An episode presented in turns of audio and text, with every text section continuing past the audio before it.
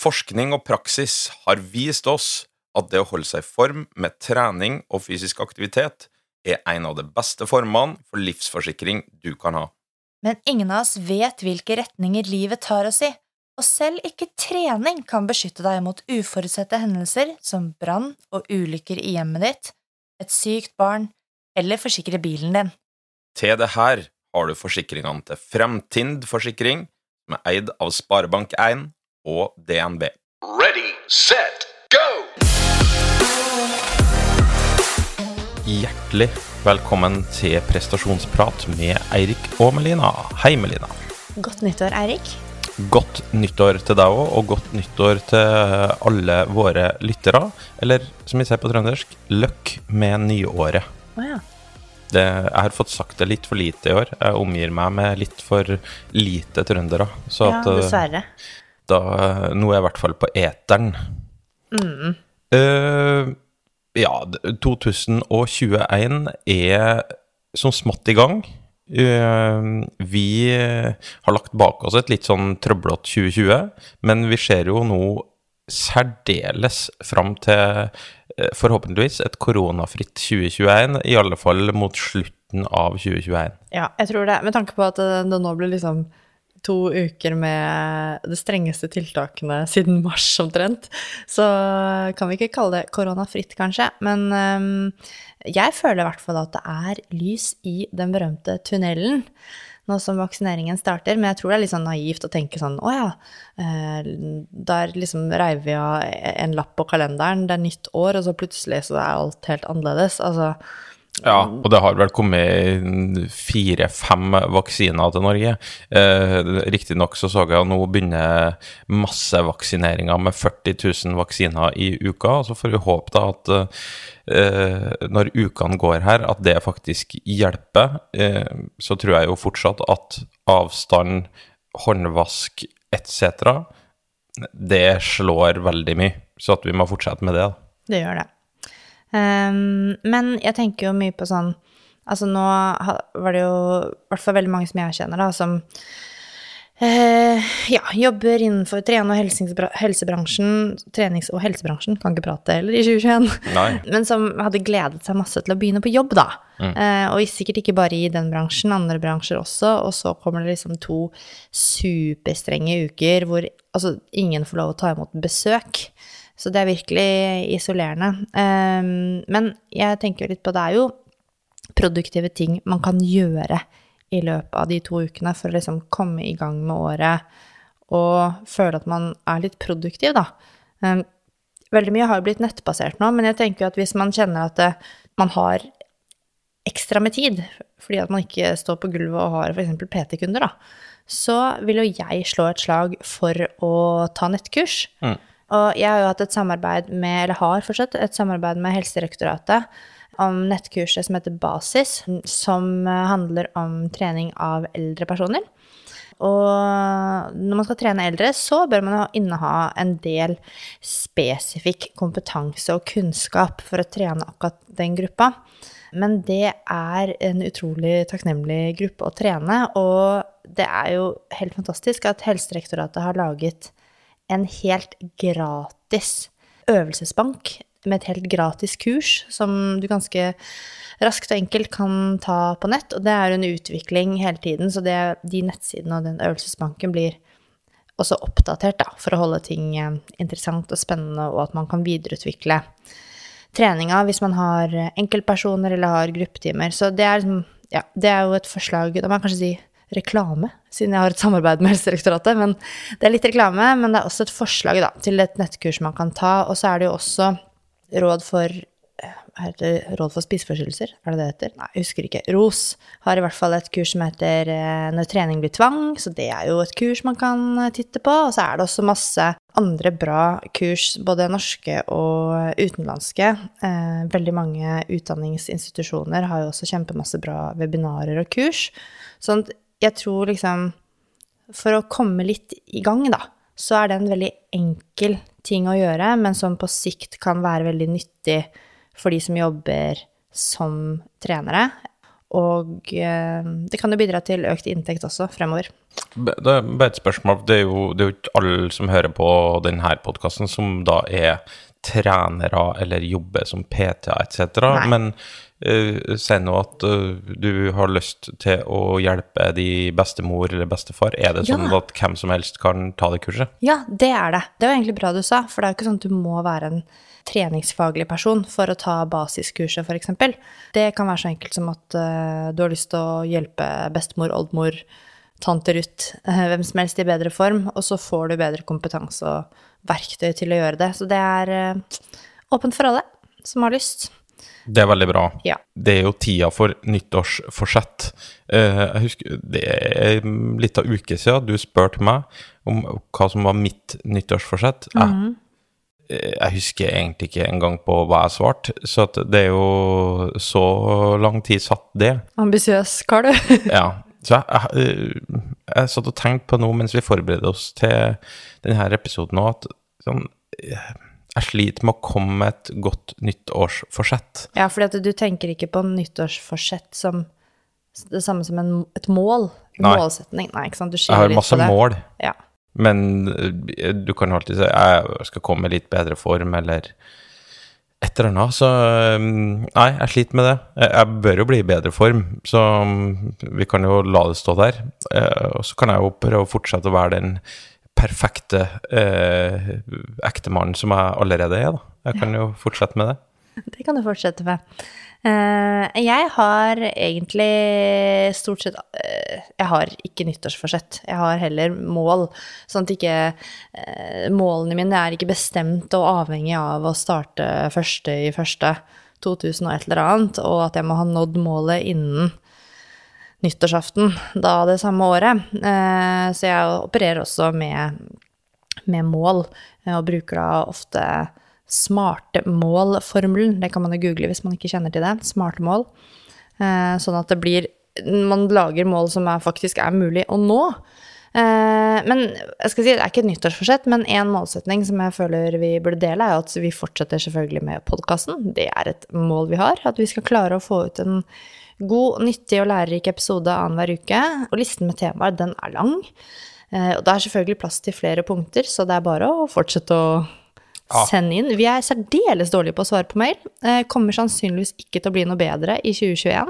Vi har det i hvert fall ikke som nyttårsforsett. Det har vi ikke. Eh, og det er Instagram som er den plattformen hvor det er størst sannsynlighet for å kanskje få et svar. Men selv om ikke vi rekker overalt, så noterer vi oss det som kommer inn av forslag, altså. Det skal jeg love at vi gjør.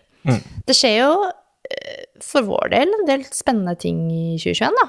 Ja, vi skal For min del, på jobbfronten, så uh, har, har jo desember vært historisk rolig. Har jo ikke vært på nå skirenn, egentlig. Jeg er jo sultefòra på, på skirenn. Det starter på igjen eh, nå rett rundt hjørnet.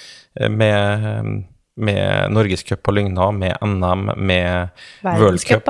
Og ikke minst i februar med VM. Og, så det Mye av min hjernekapasitet går med til å fundere og tenke og glede meg og grue meg eh, på det. Eh, også på privaten så flytter vi jo i et nytt hus. Det blir gøy. Det blir ekstremt gøy. Eh, forhåpentligvis så sitter jeg i Oberstdorf på VM når vi tar over det huset. Det er som vanlig jeg som må deale med disse ja, boligtingene. Du har en tendens til alltid å være borte du, når vi skal selge, kjøpe, flytte. Da Ja. var du med på kjøpet, da.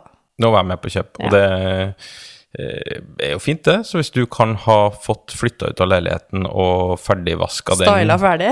til, vi, til jeg kommer hjem, så hadde det vært veldig, veldig fint. Tror du ja, du som skulle være sånn perfekt uh, husband. Ja, jeg skal komme hjem og si hvor fint du har fått det ja. Uh, nei, så det blir jo en hyggelig ting for oss. Da skal vi flytte noen eh, høydemeter høyere opp enn der vi bor. Vi bor allerede ganske høyt opp, så det er bra at eh, Jeg gleder meg til flere motbakker, jeg. Jeg vet ikke med deg, men eh, Du, jeg gleder meg til Nedover? Nei, jeg, ja, jeg gleder meg kanskje mer til nedoverbakka. I motbakkene så har jeg i det siste slitt litt med pusten. Å ja. Og det Jeg har jo egentlig ikke det, men det, jeg fant, det var en sånn fin Hva heter det? Sånn uh, Segway? Segway Overgang. over i dagens episode. Uh, dagens episode har vi valgt å kalle idrettsastma og trening i kulden. Eh, vi kan litt om det her, men vi kan jo ikke i nærheten av det som vår gjest kan. Så vi har eh, invitert Julie Sørbø Stang. Hun jobber på respiratorisk laboratorium på Norges idrettshøgskole. Og der har hun òg utdanninga si fra, master i idrettsvitenskap med fordypning i fysiologi. Eh, Og tilbake i 2018 så forsvarte hun sin doktorgrad om utvikling av astma til idrettsutøvere. Og det her, bare det her sier jo oss at uh, Julie er en fryktelig interessant person å ha med på den podkasten her. Uh, hun har òg mye erfaring fra arbeidsfysiologisk testing på barn og voksne, fra, uh, både fra klinikken og i idretten. Og hun har òg vært med på å publisere noen spennende studier på astmamedisin og prestasjon. Uh, så i denne episoden så tenker vi å diskutere eh, astma, prestasjon, eh, naturlig nok, og trening.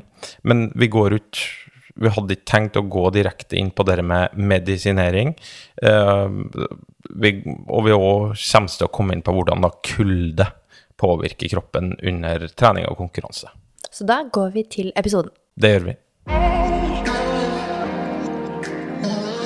Så da er det egentlig bare for meg å ønske hjertelig velkommen til deg, Julie. Tusen, tusen takk. Hyggelig å være her.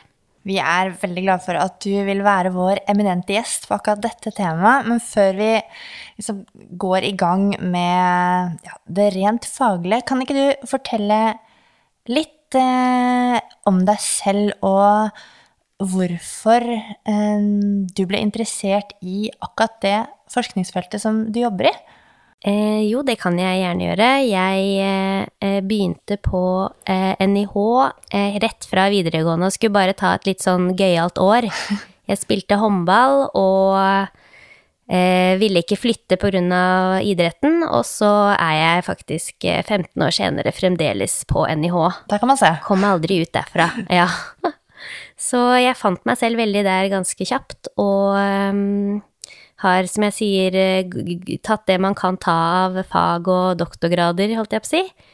Og jeg begynte vel med å jobbe spesielt med lunge da jeg skulle ta master, mas skrive masteroppgave, og um, ville egentlig teste og være på lab, eh, og da var det egentlig litt tilfeldig at det var noen prosjekter der som eh, handlet om lunge, da. Så havnet jeg inn der, og så likte jeg det òg veldig godt, og har liksom holdt på med det siden. Så bra. Det ble jo ikke bare til mastergrad, men det ble jo også, som du sa, til doktorgrad etter hvert. Ja. Nå er du jo fast ansatt på NIH og jobber fortsatt en del på lab, ikke sant? Jo, jeg har en 50% stilling på lab, og så driver jeg ellers med litt eh, undervisning og en del andre forskningsprosjekter. Så jeg trives veldig, veldig godt. Julie er jo også min gode kollega, og jeg tenker på deg, Julie, som litt sånn NIH-poteten. Sånn, du kan, du, kan være, du kan gjøre veldig mye, og være med på veldig mye forskjellige typer prosjekter. Ja, jo, jeg er med på Jeg sier jeg er sånn kronisk ja-person, jeg klarer ikke å si nei, så da ender man jo opp med å være med på eh, det som skjer, og det er jo veldig, veldig, veldig gøy. Ja, Vi er jo glad for det, for da endte du opp med å være på den podkasten her også.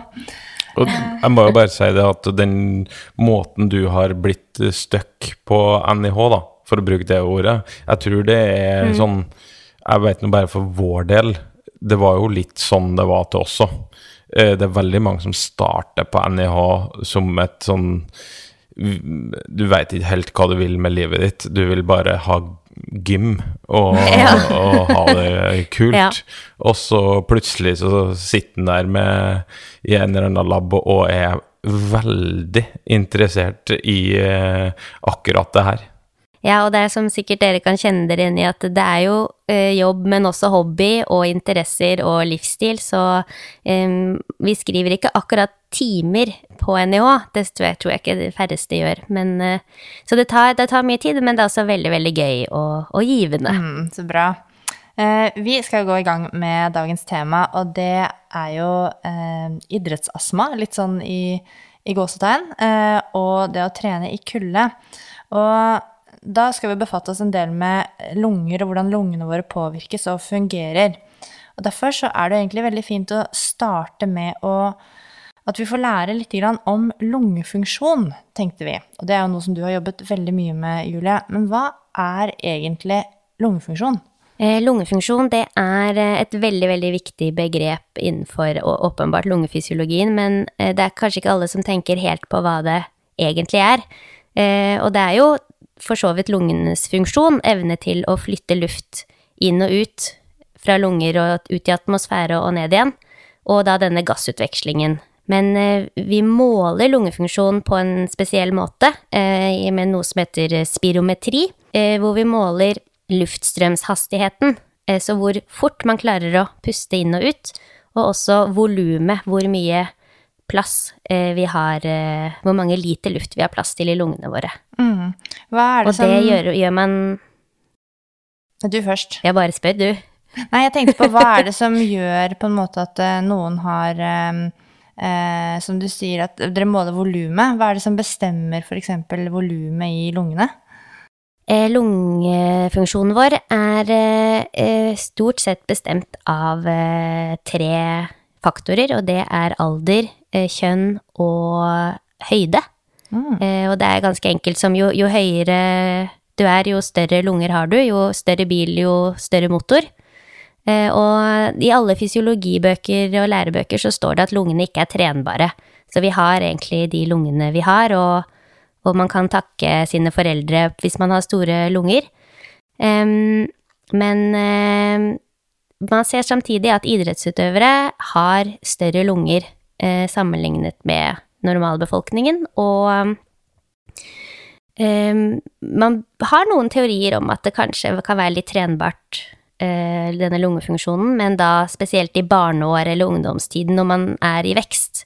Så en voksen person kan ikke øke lungefunksjonen sin, men eh, samtidig så kan det hende at eh, mye trening, eh, og spesiell type trening i barn- og ungdomsår, kan påvirke lungefunksjonen, eller veksten. Men, men kan det òg være litt sånn at øh, de har blitt idrettsutøvere akkurat på grunn av at de kanskje var predisponert for akkurat det, da? Så en sånn ting som sikkert Det er litt høna og egget-opplegg, da. Absolutt. Eh, Så det kan også være at de ungene som er disponert for å ha store lunger, er de som trives og liker idrett, lykkes i idrett og fortsetter med idrett. Eh, Så det er Ja, det kan være begge deler eller en kombinasjon. Mm. Hvordan eh, f.eks. når man har en eh, normal lungefunksjon Eller hvis man har f.eks. Eh, astma, da. Hvordan er lungefunksjonen da sammenlignet med hos en, en helt eh, lungefrisk, luftveisfrisk person? Eh, Den er eh, nødvendigvis ikke noe eh, lavere. Det er ikke sikkert du har noe mindre lunger, eh, men den kan variere mer. Eh, Så en astmatiker har en litt varierende lungefunksjon. Når man er tett i pusten, så eh, faller lungefunksjonen. Og så kan den komme tilbake igjen til normalen og være god i lange perioder, og så kan du bli dårlig igjen. Så den vil jeg si er mer variabel enn en frisk person. Hos oss friske så har vi egentlig veldig stabil lungefunksjon. Ja, vi måler jo kanskje ofte, oftest bare sånn spirometri hvis vi eh, er hos fastlegen og de tror vi har en eller annen luftveisinfeksjon, og så eh, gjør man den her spirometritesten hvor du puster alt du bare kan, så fort du bare kan, eh, ut. Eh, men stort sett så er den vel ganske normal når man ikke har en luftveissykdom. Det er det akkurat det. Mm. Så vi kan selvfølgelig bli friske, kan også bli tette i pusten ved en forkjølelse eller en infeksjon. Eh, Men en astmatiker spesielt vil ha en veldig varierende, spesielt denne luftstrømshastigheten. At den blir veldig redusert når man eh, har et såkalt astmaanfall. Ja. Men for å presisere litt, i forhold, litt mer i forhold til lungefunksjon, da. Eh, veldig mange tenker jo at em, Og jeg har selv opplevd i en setting med f.eks. en idrettsutøver eller en PT-kunde at eh, når man blir andpusten og føler seg tung i pusten, at eh, personen kan si at eh, eller liksom skylde på lungefunksjonen, da. En frisk person, altså. Eh, og, og mene at når man liksom trener intervaller eller et eller annet, at eh, man har liksom for dårlig lungefunksjon, eller at man ønsker å trene lungene. Men, men eh, det er vel sånn at lungefunksjon og kondisjon kanskje ikke er helt akkurat det samme? Eh, eh, nei, og det er veldig mange som eh, blander litt, da. At eh, når man eh, er i bedre form, så sier man ofte at man har bedre lungefunksjon. Eh, men eh, det blandes veldig ofte med f.eks. VO2 max da, eller kondisjon. Ja. Eh, så eh, man blir jo Det som er problemet ofte med pust og lunge, lungefunksjon, er jo at mm, man kan bli tung og tett i pusten, men det er et veldig sånn generelt symptom. Det kan jo bety at du har en lungesykdom, det kan bety at du er i dårligere form enn du var før et skadeopphold. Det kan bety at du er, eh, har pusha deg veldig hardt. Det bør ikke bety at du er syk i det hele tatt. Så Nei. det er det som ofte er litt utfordringen med pusten. Men lungefunksjonen er altså noe, noe helt annet enn enn kondisjonen. Ja, for hvis man i, ikke har fått trent sånn som man hadde tenkt en stund, og er i litt dårligere form, så kjennes det jo litt tungt i pusten og lungene. Og det kan av og til, hvis det er lenge siden man har tatt i sånn skikkelig, så kan man nesten få litt sånn lett brennende følelse i lungene. Eller sånn at du kjenner at det nesten stikker litt. Og det er ikke så rart at man kanskje tenker at å, nå er det lungene mine det er, som ikke er bra nok, på en måte. Mm, mm. Og, og veldig mange f.eks. med hjertesykdom kjenner det i pusten. Mm. Så det er eh, Det med pust er eh, ja, ganske vanskelig å, å, å finne ut av hva som er problemet ofte, eller om det er et problem. Ja. Vi uh, humper litt videre, uh, og i hvert fall vi føler at det er noen begreper innenfor dette temaet som vi trenger litt av klargjøring på. Jeg tipper òg det gjelder ganske mange av dere som hører på denne podkasten her. Så vi, vi, ta, vi går gjennom en litt sånn smørbrødliste, eh, som vi håper at du, Julie, kan være med og hjelpe oss litt med. da. Og da starter vi med det som heter bronkial hyperaktivitet. Er, er det det det heter? Vi kan begynne med det. Det var, det var veldig nærme. Bronkial hyperreaktivitet. Ja, Eh, Det er jeg som har skrevet eh, hyperaktivitet. Unnskyld. det går helt fint. Hyperreaktivitet. Da, da får dere meg til å skinne, så det liker jeg jo veldig godt. Um, Veldig bra. Eh, det er um, et veldig sånn klinisk karakteristika for astma, da. Eh, og det betyr at bronkiene er overfølsomme, altså hyperreaktive, for en trigger. Eh, så, så en trigger kan være veldig mye forskjellig, men for eksempel eh, fysisk aktivitet, da. Eh, eller en allergi, pollenallergi, eh, dyrehår. Eh, det kan være sterke lukter, mm. som da gjør at lungene på en måte trekker seg sammen, eller bronkiene trekker seg sammen og reagerer sånn. Og de fleste med astma har en sånn bronkial hyperreaktivitet, eller BHR, som vi kaller det. Eh, og det kan også forekomme hos friske personer, faktisk. Men typisk sånn, jeg kaller det husstøv. Som eh, når du eh, reiser rundt i verden og bor på alskens hotell med vegg-til-vegg-teppe og gardiner fra eh, tiåret før jeg ble født. Eh, Da vet jeg jo at det er veldig mange som reagerer litt på det her. Så kan støv, eller husstøv, da, kan det være en sånn type trigger? Ja, absolutt. Eh, Og det blir jo på en måte en slags allergisk reaksjon, da. At du, du De som har allergier mot støv, mot eh, dyrehår, mot eh, pollen, de har ofte en eh, sånn bronkial hyperreaktivitet eh, som gjør at de blir tette i pusten. Mm. Og for å minne lytterne på det, da, bronkene er jo liksom Det er jo den, eh, den øverste delen av liksom lungetreet, blir ikke det riktig å si? Ja, Så da er vi jo inni lungene. Ja, så vi har eh, luftrøret som deler seg i to hovedbrunker, og hver av de går inn i hver sin lunge.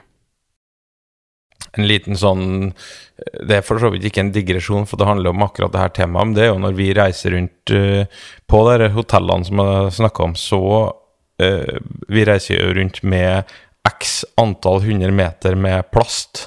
Sånn at det, det er ganske mange kvelder for undertegnede som har gått med til å å, å legge plast på gamle vegg-til-vegg-tepper nede i Mellom-Europa, og det ser, det ser ut som at eh, det skal eh, slaktes eh, noen inn på det rommet. Eh, Så Litt sånn American Psycho-stil. Litt sånn. Det er akkurat det. Ok, neste på lista, det er det som kalles for Exercise Induced Bronchoconstriction, eller EIB, EIB. Um, Ja, hva er det for noe, Julie? Eh, du, det er eh, Disse begrepene går jo mye over i hverandre, men allikevel så er det ikke helt det samme. Men dette er da at eh, Eller det man tidligere kanskje ville kalt for en anstrengelsesutløst astma. Eh, Ok. Og det er det at eh, eh, Men nå kaller vi det EIB. Ja. Eh, eh, og det er det at disse bronkiene da trekker seg sammen eh, eh, ofte etter anstrengelse, eller under anstrengelse. Sånn at eh, når du puster mye under eh, trening eller en annen aktivitet, så reagerer da eh, luftveien din eller bronken dine med å trekke seg sammen, og da blir det mm, eh, trangere, og da kommer ikke så mye luft gjennom, og det hindrer luftstrømmen, og det blir tyngre å puste, rett og slett. Mm. Så til for, forskjell fra BHR, da, så er jo dette her eh, spesifikt i forhold til fysisk aktivitet, mens det er andre Ja, triggere i BHR. Ja. Eh, og så finnes det selvfølgelig ulike målemetoder for å måle disse to tingene. Um, så det også skiller litt på mellom de to, men det er spesifikt med, mot eh, aktivitet eller eh, trening. Eh, og igjen her så vil de fleste astmatikere ha en NEIB, eller ha as, nei, fysisk aktivitet som en trigger. Eh, men EIB forekommer også hos eh, personer som ikke har astma, og her eh, er, kommer spesielt disse idrettsutøverne inn. Ty- Typisk sånn Jeg har jo vært med på det sjøl at noen får nærmest sånn hyperventilering rett etter typisk et siste drag på en hard intervall. Snakker du om meg nå? Jeg snakker om deg, ja. Eh, eh, vil du da si at det er innafor denne kategorien, altså EIB? Ikke nødvendigvis, det kan skyldes andre ting òg, eh, men EIB, det Hvis man skal eh, på en måte utrede det, da, så ville man gjort en, en enten en eh, anstrengelsestest, en løpetest, eller på en, et annet ergometer, hvis det kan være på en romaskin eller eh, på mølle med, med ski for en skiløper. Og så måler vi da lungefunksjonen før eh, denne testen, og så flere ganger etterpå.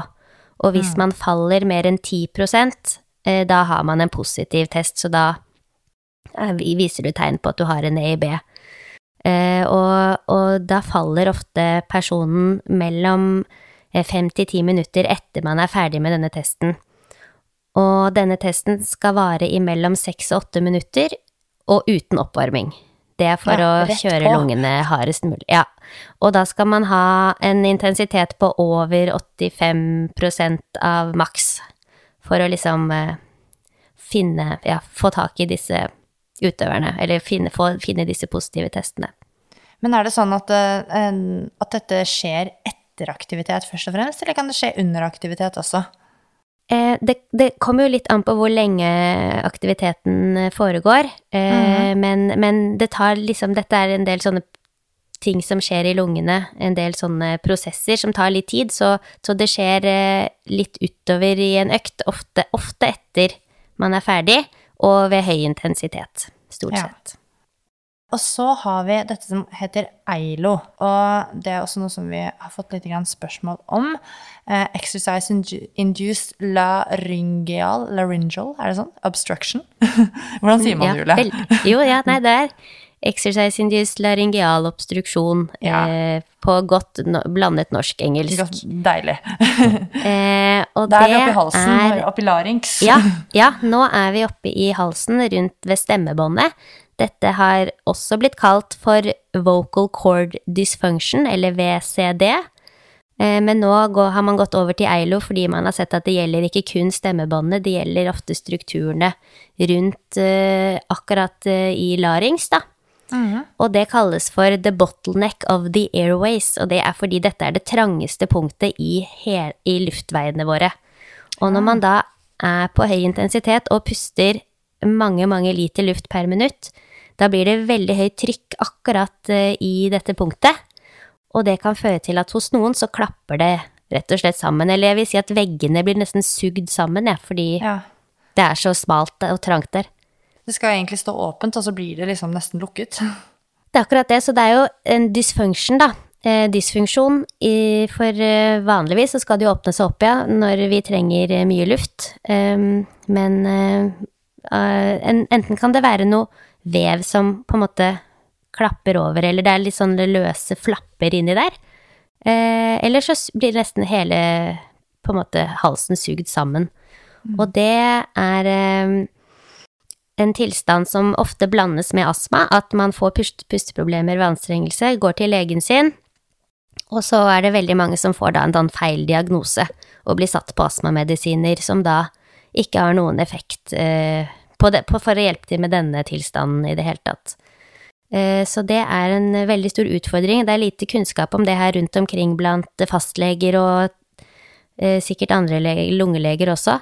Eh, Så det er eh, Det trenger vi jo egentlig å vite veldig mye mer om, og, og her er det også ikke så mange behandlingsmuligheter, så her frykter jeg at det er mange som sliter, og som kanskje til slutt eh, slutter med idrett eller aktivitet fordi de sliter sånn med, med pusten. Ja, det er jo ikke så lett å avdekke dette. Jeg husker um, uh, en nyhetssak for mange, mange år siden når det begynte, man begynte liksom å, å, få vite litt mer om Eilo etter å ha undersøkt eh, galopphester, var det kanskje, eller travhester, Ja, ja. eh, og hadde brukt si sånn gastroskopisk eh, eller sånn kamera ned i, ned i halsen på disse veddeløpshestene som eh, løp på tredemølle, og så at de hadde jo også Eilo. Det, og man trodde jo egentlig de hadde astma. Um, Ja. Og jeg tenker jo det er jo liksom interessant at Og det, hestesport er jo en idrett med veldig mye penger i. Uh, så det er jo interessant at det liksom det var gikk raskere å finne ut eh, og liksom gjøre disse undersøkelsene og forskningen på hestene enn på det har Ja. gjort på menneskene. Um, Men, men det er faktisk gullstandarden for å, å finne ut av, um, eller diagnostisere Eilo, er jo nettopp å stikke en, et kamera opp i nesen, og så henger den ned i larings og filmer mens de gjør løpetester, og det er den samme som en sånn EIB-test, en 8, 68 minutters makstest. Og der filmer de, og så kan de se om det lukker seg. Med Det kamera er sånn dinglende ba eh, langt bak halsen. Ja. Det høres veldig utfordrende ut. Jeg har prøvd det selv, ja, du har det, ja. Ja, eh, og du får eh, Det verste er å ta, ta det inn. Når den først er der, så uh, går det greit. Ja. Eller løpetesten er jo helt grusom, men eh, det kameraet, det tenker du ikke over. Ok, men hvis man eh, mistenker at eh, Eller f.eks. går på astmamedisiner, men kanskje ikke opplever seg selv noe særlig eh, bedre, og ønsker å finne ut om man har Eilo, vet du noe om hva, hvordan man går videre da? Um, det, det viktigste, eller den største forskjellen mellom Eilo og EEB, er jo det at Eilo kommer ofte tidlig eh, under en aktivitet, mens astma kommer jo ofte litt eh, underveis, eller etterpå. Eh, og på Eilo så har man veldig ofte problemer med å puste inn, og man kan få en sånn derre Sånn pi... Sånn så dere sikkert har hørt mange som puster sånn, men når man hører den lyden, da er det liksom første tegn på at dette er eh, noe oppi larings, da. Ja. Eh, og da, skal, da kan man gå til, eh, til fastlegen og bli henvist til et sted som gjør denne kletesten, som det heter, med skopi da, og kamera. Eh, Det er ikke mange som gjør det, og dessverre så er det lang ventetid for å få, for, for å få den testen, for det er få, så få steder som har det. Men eh, Ja. det er, eh, det er på Hauk, Jeg vet at de har det på Haukeland, og så mener jeg at de også har det på, i Lillehammer. Og så tror jeg også de skal ha det på et par klinikker i Oslo. ja. For min del så høres det veldig sånn brekning Altså som jeg brekker meg Ja, eh, når du liksom Du- tar inn og ut det kameraet der. det er akkurat det det er. Det er jo akkurat der du toucher med det kameraet, så det Men du får sånn lokalbedøvelse. Ja. Men det hjelper ikke. det hjelper ikke. ja. Vi Men er du, eh, er du desperat nok, eller vil du finne ut av det her, så gjør du Da, da er den testen Da gjør Ja. du det. Ja, det, det tror jeg òg. Vi Mm. skal hoppe videre vi, til kanskje eh, det som de fleste har trolig et eh, forhold til, og det er astma. Og litt sånn begrepsavklaring i forhold til hva astma faktisk er. Em, astma er eh, på en måte ikke én sykdom, det kan nesten betegnes som en sånn sekkebetegnelse for, eh, eh, for flere på en måte varianter av en, en lungesykdom, men det kjennetegnes hovedsakelig av en kronisk betennelse i luftveiene. Eh, og de fleste har da en sånn BHR, en bronkial hyperaktivitet, og, og også trigges av fysisk aktivitet eller trening, som vi har snakket om. Eh, så, og så sier vi jo at astma er en multifaktoriell og heterogen sykdom. Og det vil jo si at det, det er mange ulike faktorer eller uh, triggere da, for, for sykdommen. Um, og så er den heterogen, vil si at det er ganske stor forskjell på hvordan sykdommen opptrer og, og mekanismene for sykdommen da, eh, mellom personer. Um, så for eksempel noen får jo astma som barn og har det, uh, har det liksom hele livet. Noen får astma som barn, og så forsvinner det litt i løpet av ungdomstiden, voksenalder. Uh, og noen utvikler astma gjennom for eksempel uh, arbeidet sitt, hva de blir eksponert for der. Eh, og så er det litt med hvor, eh, hva som trigger, som vi har vært litt inne på, men noen kan jo bli veldig tette i forbindelse med allergi, og det kalles ofte en allergisk astma. Noen blir veldig tette når de blir syke, f.eks. får en infeksjon, og da kalles det ofte forkjølelsesutløst astma. Og så har vi jo dette med anstrengelsesutløst astma, som, ofte, som vi heller nå kaller for litt grunn av at også vi ser at de som ikke har astma, kan også bli tette av eh, fysisk aktivitet. Mm. Sånn at eh, også da med alle disse variantene av luftveissykdom, så er det da, som du var inne på i sted, da, litt forskjellig symptombilde eh, som vil skille mm. de forskjellige fra hverandre. Eh, ja, noen har jo eh, mer, en mer alvorlig astma enn andre, eh, og kan ha mye nattlige symptomer, mye hoste og slim på natten. Eh, noen kan bli veldig tette i pusten og få en sånn klassisk sånn astma-pipelyd. Eh, mens andre kan ha mye slim og, og, og, hoste og slite med det.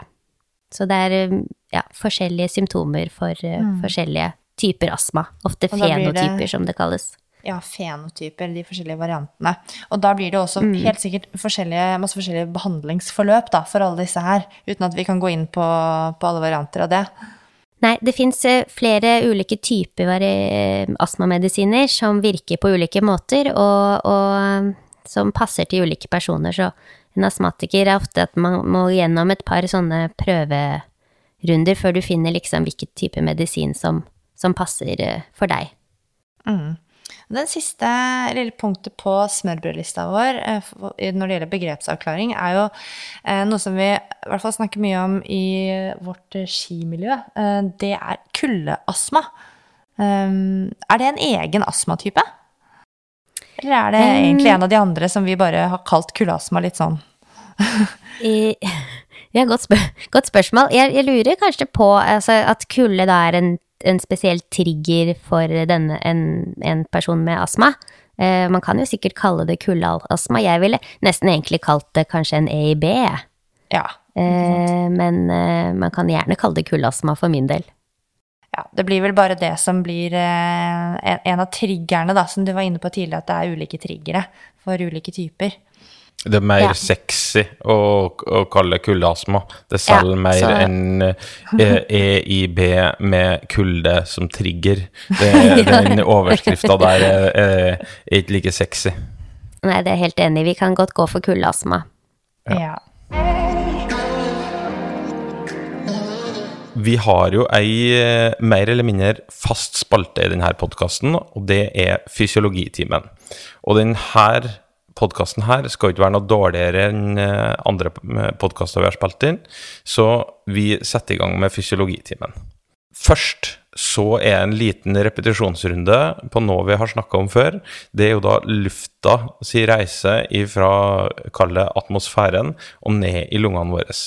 Det starter med at lufta blir dratt inn gjennom eh, Eh, nesen vår eller gjennom munnen vår, inn eh, gjennom nesehulet, ned i svelget og strupehodet, som vi har vært inne på tidligere, som da ble hetende larynx. Eh, ned gjennom luftrøret, bronkiene, og til slutt ende opp i enten høyre eller venstre lungehalvdel, og omslutte da det alveolene, hvor da gassutvekslinga skjer.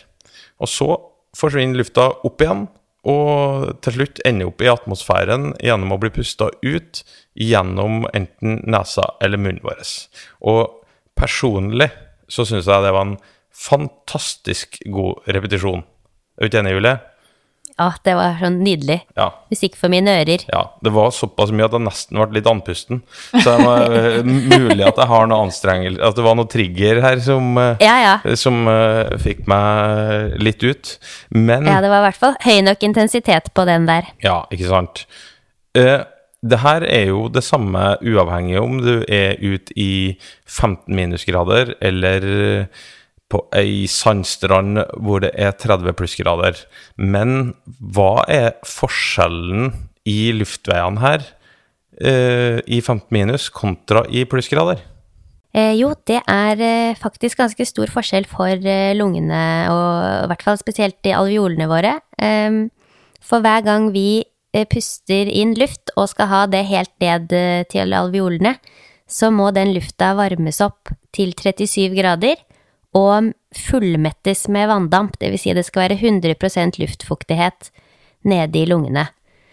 Og når vi puster i vanlig 20 grader romluft, eh, så Og spesielt sitter i ro, så, så går jo den lufta ganske rolig ned, og ofte gjennom nesen.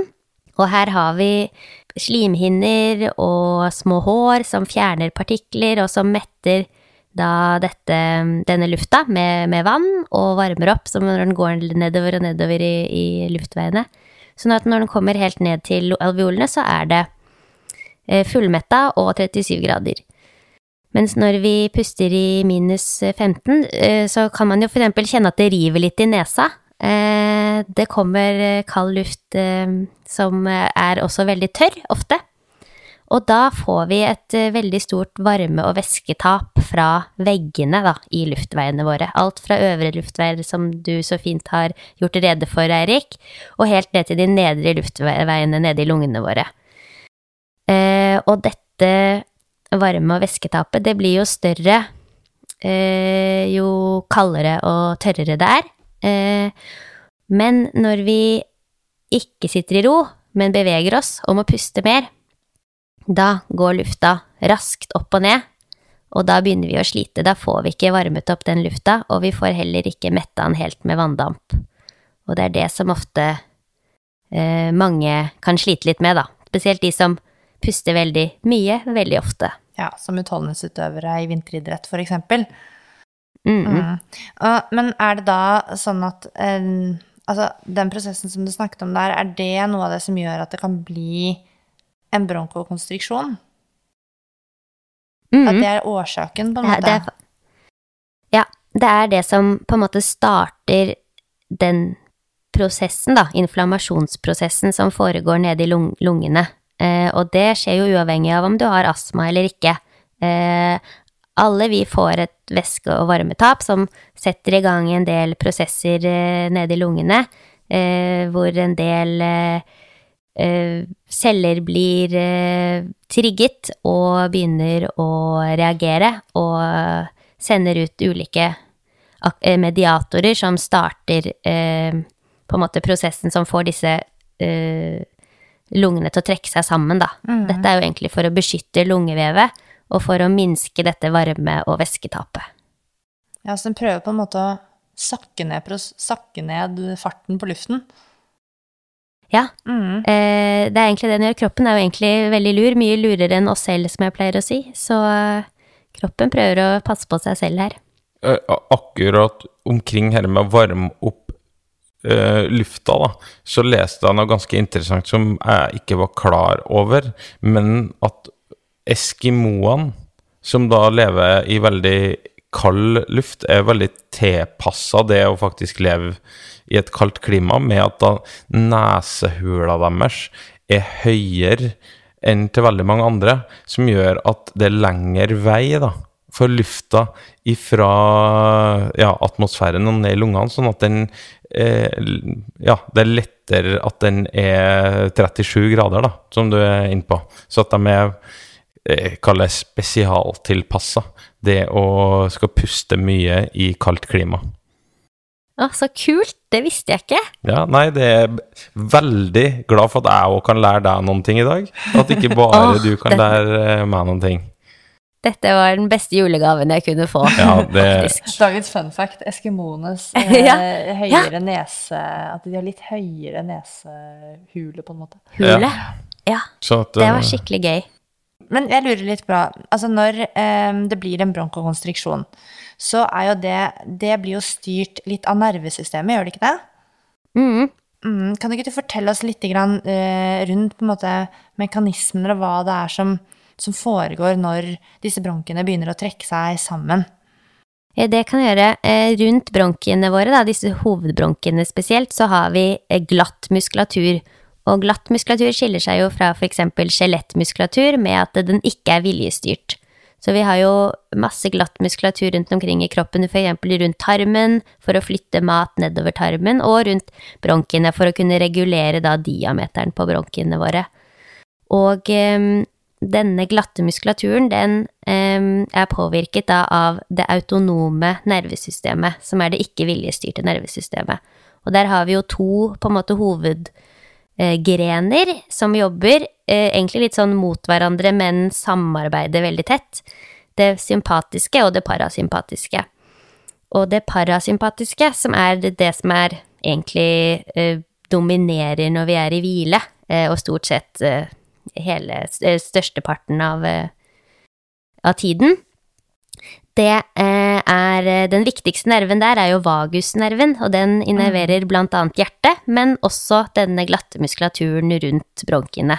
Så det er det parasympatiske nervesystemet som gir beskjed til denne glatte muskulaturen at den skal trekke seg sammen, og da trekker bronkiene seg sammen.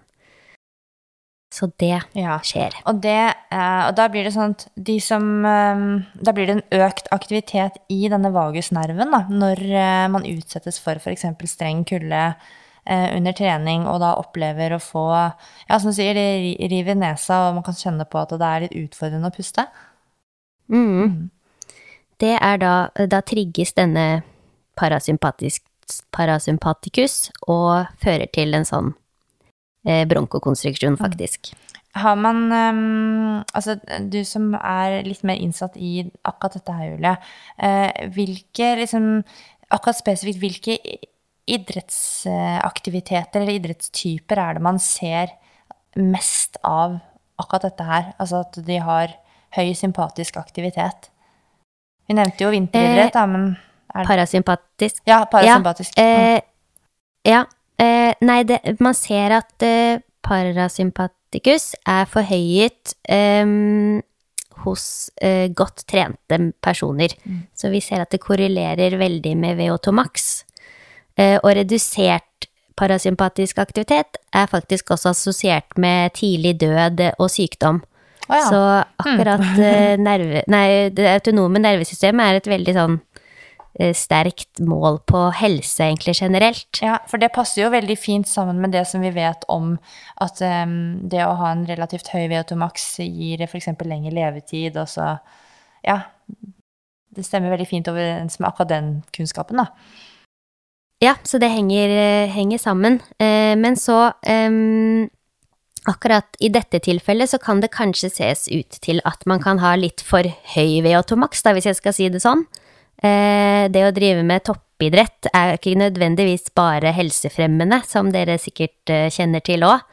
Eh, så det på en måte vi, Nå kommer vi litt over i denne idrettsastma-delen, da, men em, vi ser at veldig mange godt trente idrettsutøvere, toppidrettsutøvere, har en veldig sånn økt ømfintlighet, da, en sånn BHR, uten nødvendigvis å ha astma. Og det vi tror er at den kan være veldig styrt av denne parasympaticus overaktiviteten, da. At de eh, har så høy fyring der at det, det trigger denne glatte muskulaturen eh, lettere Ja. enn hos mindre trente. Så eh, vi har gjort noen studier på å se på sammenhengen mellom aktiviteten i det parasympatiske nervesystemet og BHR hos eh, både astmatiske og friske idrettsutøvere, og vi fant en assosiasjon der. Eh, Så det tyder nok på at eh, man kan liksom nesten få litt for høy VO2 maks hvis dere Spør meg som astmaforsker. Kanskje ikke dere er enig i det. Nei, for Det er jo et spørsmål vi har fått flere ganger også. at Går det an å ha høy VO2-maks? Og da sier vi jo som regel alltid nei. det er Jo, jo høyere, jo bedre, og bedre helse og sånn og sånn. Men, men det kommer jo på en måte litt an på eh, hvilken eh, hatt du sitter med, da, og hvordan, hvilke perspektiv man ser det fra. Og det er jo ganske altså Selvfølgelig så gjelder jo ikke dette her Dette gjelder jo for de som trener veldig mye. eh, De som driver med toppidrett eller, eh, eller eliteidrett. Eh, Sånn at Ja, på, for eh, mer sånn på befolkningsnivå så tror jeg det å liksom jakte stadig bedre kondis er noe man helt trygt kan gjøre. Men så er det jo Ja, vi, vi snakker om dette i prestasjonsprat fordi vi er veldig interessert i akkurat dette som har med idrettsfeltet å gjøre. Og det er jo et Um, det er mange, jeg kjenner jo kjempemange i bare eget skimiljø som, som sliter masse med dette med, med pust i ulike typer vær, og det er jo et ja, det kan være et kjempeproblem eh, for de som er idrettsaktive, når man ikke helt uh, blir klok på det. Mm. Men det som er eh, også viktig å legge til her, er jo at det er jo ikke alle som eh, Alle med høy VO2max over, alle med VO2max over 90 som sliter heller. Så noen tåler det bedre enn andre, og vi vet faktisk ikke helt eh, hvorfor det. Det er noen som går gjennom en hel toppidrettsliv uten å ha noe som helst problemer, og så er det noen som eh, får det. Og det er eh, Det vet jeg, det er, vet vi ikke svaret på, faktisk, så det Nei, må vi finne ut av. Men det med parasympatikus og idrettsastma, det er viktig fordi det kan si noe om hva slags type behandling du trenger. Så det er viktig å huske på at eh, veldig mange idrettsutøvere responderer bedre på en sånn eh, antikolinergisk behandling, som det heter. At du, du hemmer nervesystemet. Du nødvendigvis har ikke en betennelse du må dempe, men du må egentlig dempe fyringen på nervesystemet. Ja, og derfor er det jo så viktig å faktisk utrede ordentlig, sånn at man ikke er underbehandlet, da. Absolutt, og ikke feilbehandlet heller. Jeg tror det er mange som går på ulike typer medisiner som ikke har noen som helst effekt, og som de ikke burde gå på. Ja, eh, du var inne på noe interessant i stad som jeg også syns fascinerer meg med si, hele den smeltedigeren her. Da. Det er jo at, som du var inne på, at man kan gå gjennom store deler av kallet av en karriere uten å ha noen store problemer, og så plutselig, nærmest fra en dag til en annen, uten at har at du har gjort noe spesielt eller gjort noe annerledes heller, så har du plutselig fått et eh, skikkelig eh, luftveisproblem i fanget, da. Uh, og det Jeg vet ikke om 'fascinere' er, er det riktige ordet, men uh, uh, for min del så irriterer det mer enn det fascinerer.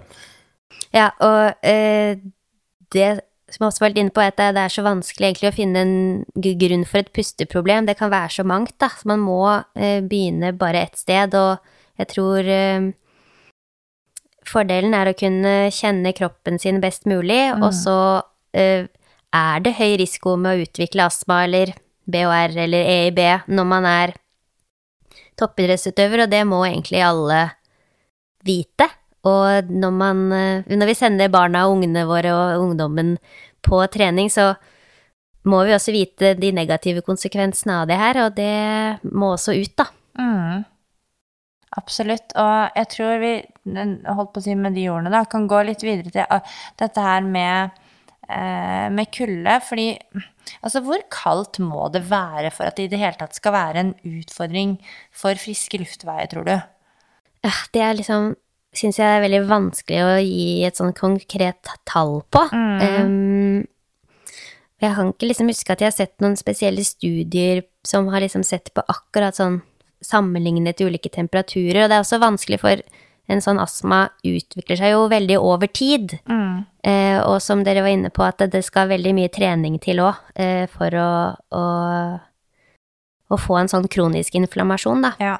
Jeg Um, syns jo det er um, eh, Dette er jo sånn noe som vi snakker mye om måte i, ja, i skimiljøet mitt. Det er hva slags liksom, vær det er, og hva slags luft det er, og hvordan pusten kjennes. Man er veldig opptatt av det. For det som du sier, pust det har så mye å si for hvordan vi opplever oss selv, og hvordan vi opplever slitenhet. og Det betyr i det hele tatt veldig mye, og selvfølgelig for prestasjonen. Og da er det jo liksom sånn eh, Nå har ikke jeg noe eh, påvist astma eller noen, noen sånne problemer i utgangspunktet, men jeg har jo liksom kjent på hvordan ulike værtyper kan påvirke eh, pusten. Og noe vi ofte snakker om, er jo sånn Hvis det er liksom tåke i Kollen, eh, og det er minusgrader og litt sånn rå Oslo-luft Det er liksom det er det verste vi kan trene i intervall. Omtrent. Eh, men da trenger det kanskje ikke være så veldig mange eh, minusgrader, men det kan føles mye tyngre og, mye verre enn f.eks. hvis det er 15 minus på fjellet og mye tørre luft. Um, så jeg vet, jeg vet, ikke om du vet noe om dette, men, men har luftfuktighet uh, også betydning, altså den i omgivelsene, da, i, i, tillegg til i kombinasjon med temperaturen? Hmm, mm, veldig godt spørsmål. Og sånn teoretisk så skal jo en høyere luftfuktighet være gunstig, da, fordi da får man ikke et så stort væsketap mm. eh, under en høy, ved en høy ventilasjon. Eh, og som du sier, så vet jeg om, også hørt om flere utøvere som sliter veldig i sånn det derre Kollen-været som du snakker om, yes. eh, hvor det kan være et par, par, minus, eller kanskje et par pluss til og med, og så sånn tåke og veldig sånn tung luft, da. Mm. Eh, og det kan de slite mer med når det har vært kaldere og tørrere. Eh, og jeg, det, det, eneste jeg har tenkt litt på, er at det kanskje en sånn tung luft kan inneholde litt mer sånn partikler og forurensning og, og sånn som man drar inn, da, og som irriterer og som eh, gjør det tungt. Eh, men sånn teoretisk skal jo den jo kaldere jo verre, og jo tørrere jo verre. Mm. Jeg, og, jeg, har ikke noe annet tro å komme i denne diskusjonen heller, men sånn Hvis jeg går gjennom plasser hvor mange har fått store problem øh, med typisk sånn der luft, så er det jo plasser som er tilknytta byer. Uh, som er Kall det for, større forurensning i lufta da, enn andre plasser. Mm. Uh, mm. Kontra nå er jo Røros en uh, veldig eh, kald og tørr plass, da, men sammenligna med sånne plasser, hvor du kan ha mm. samme type vær, altså at det er litt kaldt, men det er høy luftfuktighet, da eh, føler jeg at det er sjeldnere at du får dere ja, kollapsene eh, til folk som har eh, underliggende utfordringer med eh, Kall det idrettsastma, da. Mm. Og det som også er eh, litt sånn forskjellen med når vi puster eh, rolig i hvile og ved aktivitet, er jo at vi går over fra å puste gjennom fra nesen til å puste gjennom munnen. Og nesen er eh, mye smalere og har en del Vi har mye hår i nesen som plukker opp en del partikler og smårusk som ikke vi vil ha, nedi skjøre alveolevevet. Mens når vi puster mye Eh, som under fysisk aktivitet og trening, så drar vi jo inn, eh, inn gjennom munnen, og da får vi ned mye mer små partikler og, og annet, da. Mm. så det kan trigge mye mer. Ja, det, det makes sense. Et, men et spørsmål som vi har fått som, som, du minner meg på når du snakker om dette her, er jo um, om det da er noen um, Burde man egentlig bare lukke munnen og bare puste med nesen? Er, er det, ville det vært mye bedre?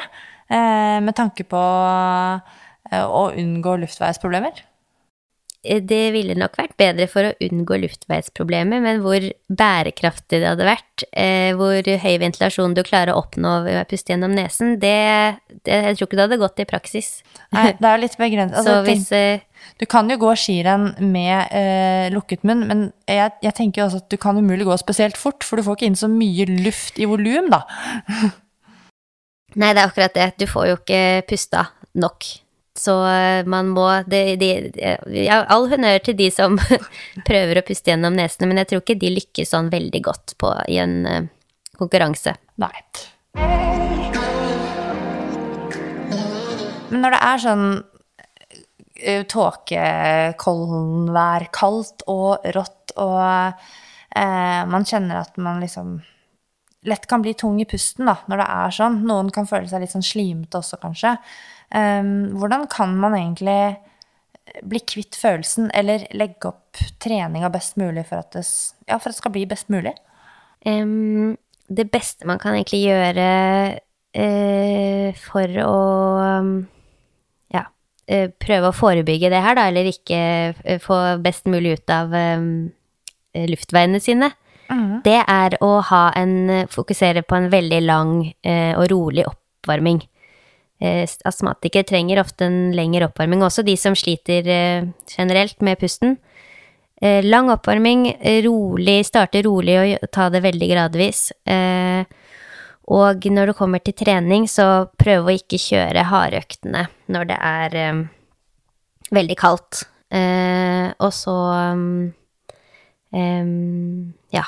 Mm, da er det sikkert mange som lurer på hva er veldig kaldt. Og jeg, kan jo, altså sånn, jeg har satt en liten regel for meg selv. Da. Sånn, når det er kaldere enn minus ti i Oslo, så kjører jeg ikke hardøkt i Kollen. For da er det ofte ganske sånn eh, Ja, den rå liksom Det er jo litt spesielt siden Oslo ligger ved sjøen. Eh, Også at det er litt den rå lufta. Men på fjellet, da eh, følger jeg skirennreglene. Da kan det godt være liksom eh, ja, opp mot en 18-20 minus, da. Det går liksom Da går det greit. Men er det kaldere enn det, så blir det ikke hardøkt. For min del, i hvert fall.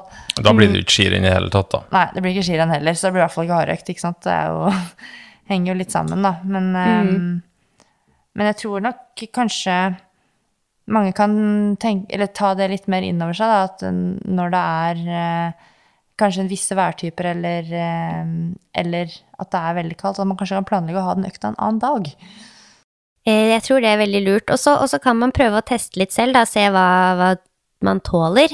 Um, Sånn som du har gjort nå, at du liksom har funnet en liten sånn grense for deg selv som mm, Ja, man kan prøve å forholde seg til det og, og, og sjekke liksom hva Ja. Hva som funker for Ja. deg. Men, men jeg bare tenker på det. Er det en grunn til at veldig mange av de samme idrettene her, eh, som langrenn, skøyter, eh, kaller det vinteridretter, da, eh, uthold, som driver på med utholdenhet, hvorfor er det så mange av dem som har luftveisproblematikk? Mm, det er jo helt klart eh, stor forskjell mellom eh, idretter. Eh, og det er jo utholdenhetsidrettene som skiller seg mest ut med en høyest forekomst av astma og luftveisproblematikk. Og det er jo eh, rett og slett fordi det er de idrettene som stiller høyest krav til ventilasjonen, da. Eh, hvor utøverne puster eh, mye og lenge og ofte. Så vi har jo vært litt inne på det med at det skjer en del prosesser, litt sånn inflammasjonsdrevne prosesser i, i, i lungene våre når vi puster mye.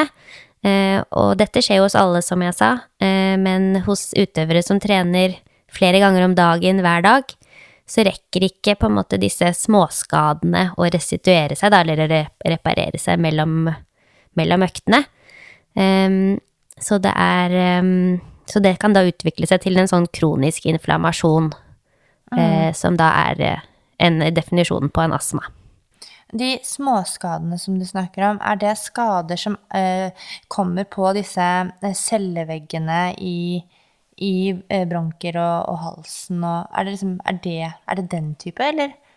Ja, ja, du er, det er en annen ting som skjer, eh, faktisk. At okay. eh, ved veldig, veldig høy ventilasjon, da, eh, så eh, utøvere kommer eh, De beste, beste toppidrettsutøverne med de største lungene kan jo puste opp mot 200 liter luft per eh, minutt, som er helt Det er så mye, insane. Ja, det er helt vilt. Eh, da, da kan det faktisk eh, være et sånt mekanisk stress. Eh, så egentlig at du, du sliter liksom Du gnikker på en måte Lufta gnikker liksom på, ja, på, på det ytterste laget i, i luftveiene våre, som heter epitellaget. Så det kan faktisk oppstå skader der. Eh, og da starter jo en inflammasjonsprosess for å reparere det her, da.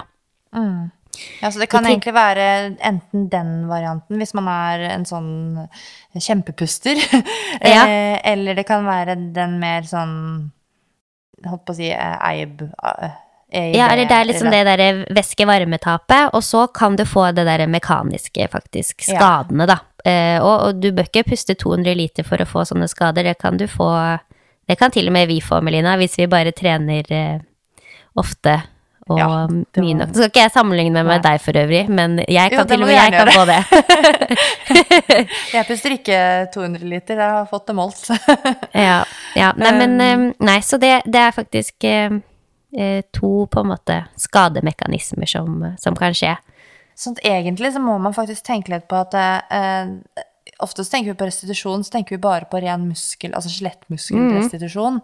Og at man kanskje også skal føle seg litt klar i toppen til å trene. Ja. Men det er jo faktisk eh, hals og lunger og svelg og an, Altså dette som har med luftveiene våre, kan også trenge sin restitusjonstid, da, rett og slett. Ja, absolutt. Og, og det skal man være ganske bevisst på eh, fra ganske ung alder, vil jeg si.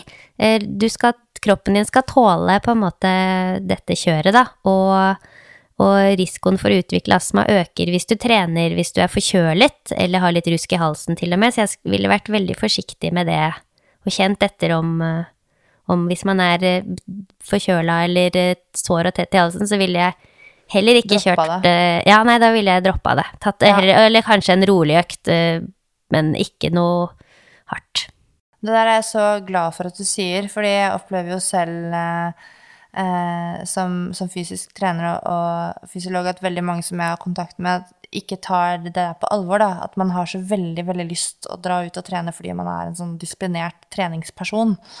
Eh, men jeg pleier ofte å si at eh, du, du gjør på en måte mer feil ved å ta den økta enn ved å ikke gjøre det. Du, ta, du kan mer å tape på, på kanskje å, å trene med sykdom enn å la være. Og det er kanskje ikke der slaget står liksom den ene uka, hvis man er litt forkjølet. Nei, jeg tror eh, man må prøve å være disiplinert og tenke litt mer langsiktig eh, på det, så der, der støtter jeg deg 100% Ja, det er bra å høre. Eksperten har talt. En ting som uh, jeg tenkte på, var inn på det med restitusjon. Uh, at uh, luftveiene må få restitusjon, spesielt i, når du har trent f.eks. hardt da, i, i kald luft. Så er jo det der som gjennom vinteren ofte er en utfordring. Nå kan jeg si for vår del så går vi jo ofte to-tre skirenn hver helg.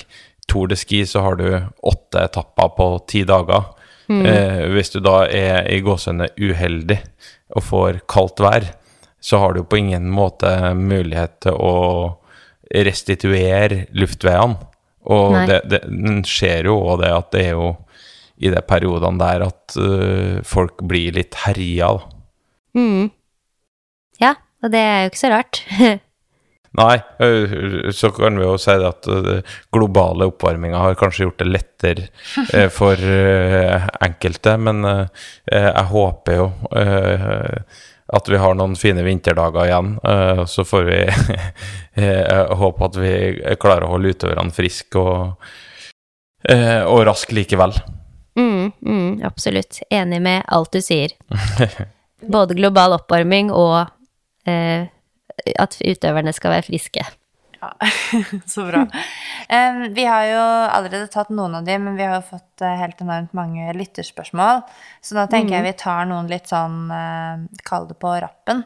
Mm. men før eh, jeg hopper rett på et lytterspørsmål her, Julie Og nå heter jo denne episoden her, den kommer til å handle om idrettsastma og, og, og trening i kulde spesifikt. Men eh, eh, dette er med å, å utvikle eh, astmatyper eh, på bakgrunn av at man driver med idrett, det er jo ikke eh, unikt for de som trener i kulde heller. Er det ikke ganske likt egentlig for de som driver med svømming, konkurransesvømming og sykling også? At det er egentlig mye av det samme symptombildet, selv om triggeren kanskje ikke er kulde, da. Triggeren kanskje er noe annet.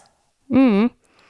Um, ja, det, det, vi har jo, både vi og andre i verden, har jo studert mye disse eh, idrettsutøverne med astma, og, og utvikling av astma eh, blant idrettsutøvere, det har jo eh, vi sett gjennom i mange, mange studier. Eh, og um, um, man ser veldig godt at eh, idrettsutøvere med astma skiller seg ganske mye i f.eks. type inflammasjon eller eh, eh, andre kliniske måte, karakteristika fra den generelle befolkningen.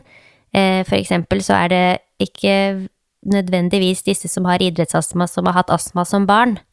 Nei. Eh, mens eh, hos vanlige astmatikere så får de astma allerede som barn. Så jeg tror at det bare er et spørsmål om tid før idrettsastma blir på en måte et, en egen fenotype, eller et eget begrep, da. For man ser at det er en, en spesifikk type på en måte Ja. sykdom hos, eh, i denne gruppen. Man kan jo også nesten for så vidt kalle det en yrkesastma. Det, det blir jo en yrkesskade, da, på sett Ja. og vis. Ja, så man, eh, man kan eh, på en måte også kalle det det. Det er ulike yrkesgrupper som er større eh, risiko for å utvikle astma, og det er i hvert fall en veldig kjent svensk astmaforsker som sa at hvis langrennssporten var en fabrikk, og man så hvor mange som ble syke av å jobbe på den fabrikken, så hadde den fabrikken blitt stengt. Oi. Det sier litt. Mm. Um, men um, hva slags type um, yrker er det man har Altså vanlige yrker, da? Er det som kan gjøre at man får astma? Du, det, eh, det er yrker hvor man er eksponert for eh, partikler eller eh, miljøskadelige stoffer. Det er en del sånn industriarbeidere på fabrikker. Eh, Frisører, faktisk, som eh, Ja. puster inn mye sånn hårprodukter og hårfarge. Eh, og til og med bakere, som får inn mye sånne bitte små melpartikler som kan komme ned i lungene og lage grums. Det er sånn jeg aldri har tenkt på. Nei, så det er yrkesgrupper som eh, er mer utsatt for å få da en sånn yrkesastma. ja. Og jeg vil jo nesten si at toppidrettsutøvere er en sånn yrkesgruppe. Ja. ja, det blir jo det. Det blir jo å si, occupational hazard, er det et uttrykk som heter. Ja. Det er liksom Det er en belastning som følger med det yrkesvalget, eller det aktivitetsvalget. Mm. Det, jeg var kjent med at f.eks. en del kokker, eller at eh, kols ikke er helt uvanlig å utvikle blant kokker, men at eh, bakere kunne utvikle astma, det, den, eh, den var ny. Men det Ja, ny. sense med tanke på irritasjon av luftveiene, da, og det vet vi jo at svevestøv og små partikler kan, kan mm. gi. Mm. Mm.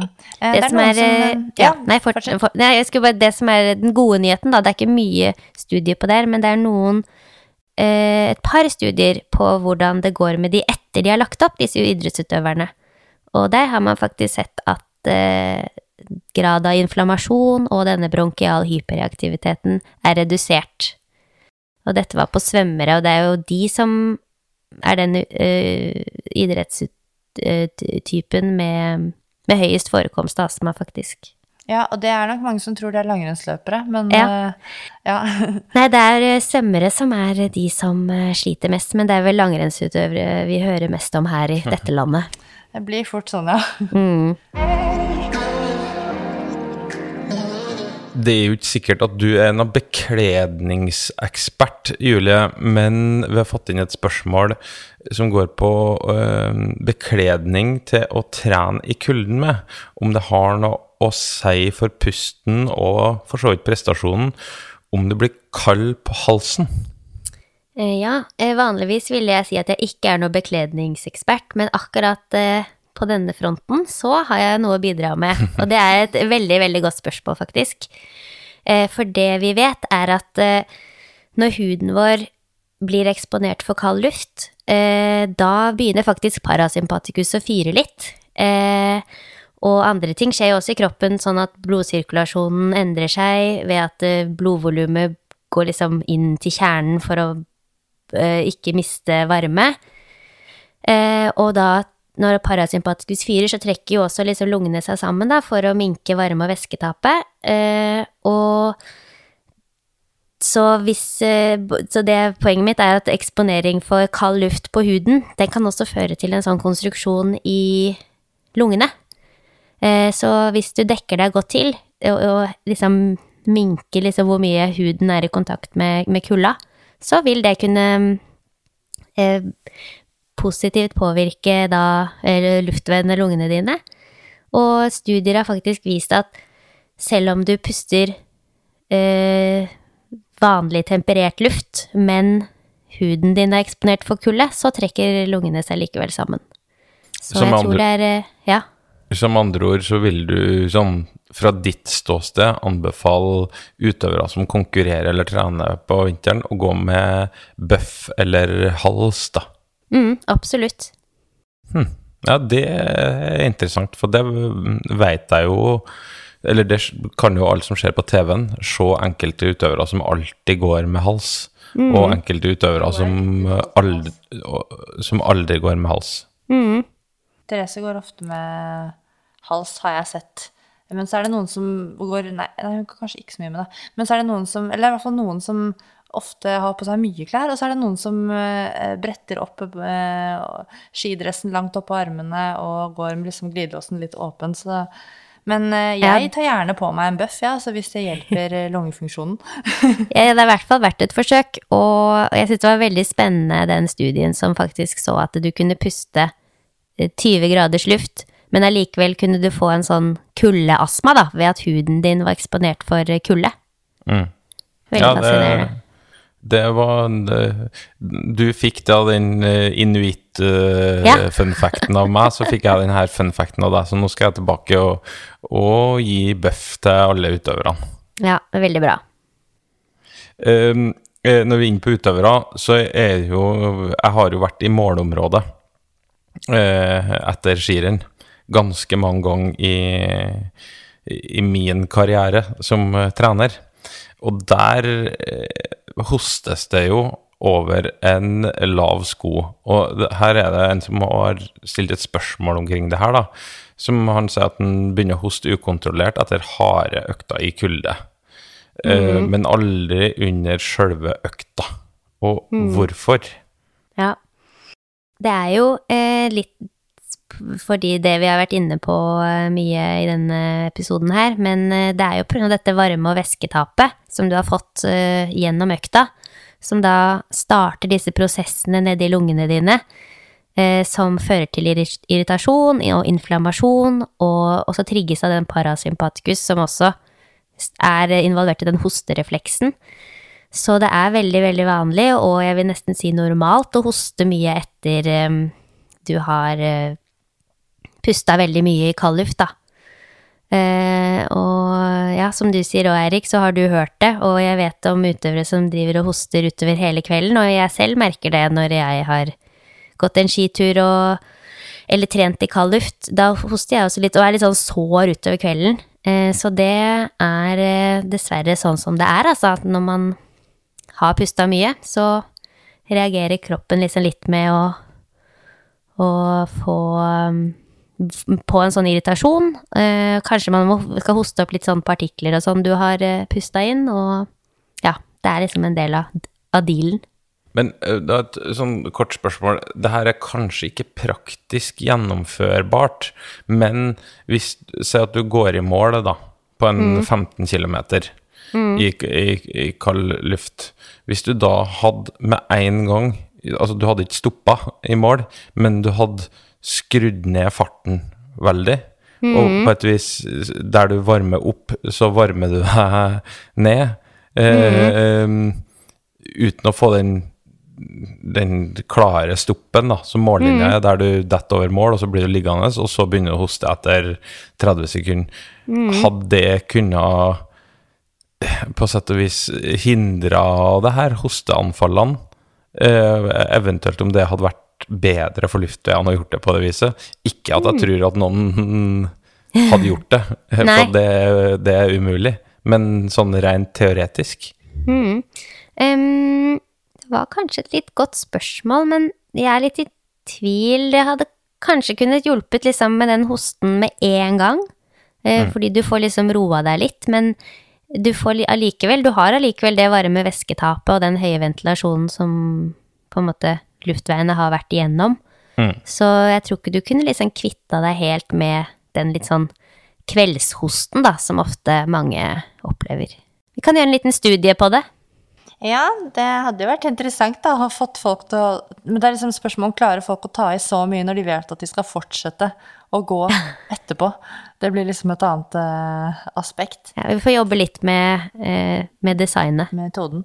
Ja. Um, men når du sier at dette er nærmest normalt, og det er liksom litt sånn en del av dealen, mm, tenker du da at det kanskje uh, ikke er så mye å bekymre seg for?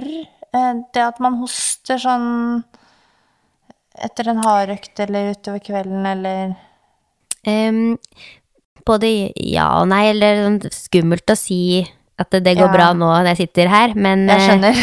men, men det er i hvert fall veldig vanlig og en normalreaksjon å, å hoste eh, etter en på en måte lang eller tung treningsøkt i kulda. Eh, det betyr ikke at du har astma, i hvert fall, nødvendigvis. Hvis, men hvis du opplever det som et veldig stort problem, og at du blir eh, det, det påvirker deg i treningen eller i livet, så ville jeg absolutt vurdert å gå til legen. Mm. Ja. Hvis man kjenner at det gjør noe med liksom, allmenntilstanden og, og livskvaliteten. Mm. Ja. Men, men det er vanlig å, å hoste litt. Um, Ja. ja. Sånn er kroppen. ja. Um, et annet spørsmål, eh, og det tror jeg blir siste, som vi har uh, fått inn, det er om en som har ja, såkalt kuldeastma, da, om bør man trene i kulden i det hele tatt, hvis man har kuldeastma? Um, eh, dette også blir kanskje litt individuelt, men, men jeg vil si absolutt. Eh, eh, hvis du har en kuldeastma, så eh, vil jeg jo anbefale at du må ta litt spesielle hensyn, kanskje, eh, hvis det er veldig kaldt. Eh, men, men er du uh, i god form, har lyst til å trene, uh, og i god form mener jeg da at du er frisk eh, og føler deg bra, og så, så ser jeg ingen grunn til at ikke du skal ta deg en treningsøkt selv om det er kaldt. Men det er lurt å ta disse hensynene som jeg snakket om, en litt sånn lang, rolig oppvarming. Du trenger kanskje ikke å kjøre en hard økt. Eh, og så kan du jo prøve deg litt fram og, og kjenne litt på kroppen din om hva du tåler den dagen eller generelt. Eh, og så er det jo selvfølgelig veldig viktig at du har god astmakontroll, som vi kaller det. At du eh, går på riktig behandling, eh, og at du er, har god oppfølging fra legen din, da. Sånn at du ikke har, er dårlig, på en måte. Ja. Det, du har jo nevnt, sagt et par anledninger nå, dette her med å liksom kjenne litt etter og, og kjenne kroppen sin, og det er jo ehm, Man må kanskje drive litt sånn forskningsprosjekt på seg selv i forhold til eh, dette som jeg, Hvis vi skal ta det liksom det rent praktisk, da, i forhold til å ehm, eh, Altså med tanke på lengde på oppvarming, gradvis økende intensitet. Bør jeg trene hardt i dag, bør jeg ikke trene hardt i dag? Altså, det er jo en del sånne grep man kan gjøre, eh, som du har nevnt nå, da, for å faktisk få en bedre treningshverdag. Absolutt, og, og jeg tror du kan eh, gjøre deg selv en stor tjeneste hvis du, hvis du har pusteproblemer eller opplever det til tid eh, nå og da og i forbindelse med trening, så, så ville jeg prøvd å være litt sånn detektiv selv, at du prøver å, å, å følge litt med på når er det jeg får symptomer, hva slags symptomer er det, hva skjer egentlig, eh, sånn at du, hvis du skal til legen, eh, så kan du være ganske tydelig på hva som trigger, hva som skjer. Er det på den og den intensiteten? Er det på disse øvelsene? Er det i dette, disse værforholdene? Eh, Prøve å systematisere det mest mulig, fordi som sagt så er det ikke så mye kunnskap om denne idrettsastmaen eh, rundt omkring på legekontorer eh, i, i landet, så jo mer, du, jo mer informasjon og kunnskap du har, jo bedre er det. Ja, ikke sant? Veldig, veldig gode poeng. Supert. Det tror jeg får være eh, siste spørsmålet. Eh, da gjenstår det for vår del å si tusen hjertelig takk eh, til deg, Julie, for at du tok deg tida til å eh, opplyse to litt sånn eh, undrende eh, fysiologer på dette temaet, og helt sikkert veldig mange av våre lyttere som har fått svar på noen spørsmål som de hadde. Så, Tusen takk, det var veldig koselig å, å snakke med dere. Veldig hyggelig. Så eh, må jo vi òg eh, Takk for at du lytta på. Eh, følg oss gjerne på eh, sosiale medier under eh, prestasjonsprat. Og vi kommer til å legge ut en link til eh, nettstedet der hvor du kan finne alle Julie sine publikasjoner, hvis du har lyst til å lese de studiene som eh, Julie har gjort på astma og idrettsutøvere og parasympatikus og alt dette her. Ha det bra! Ha det.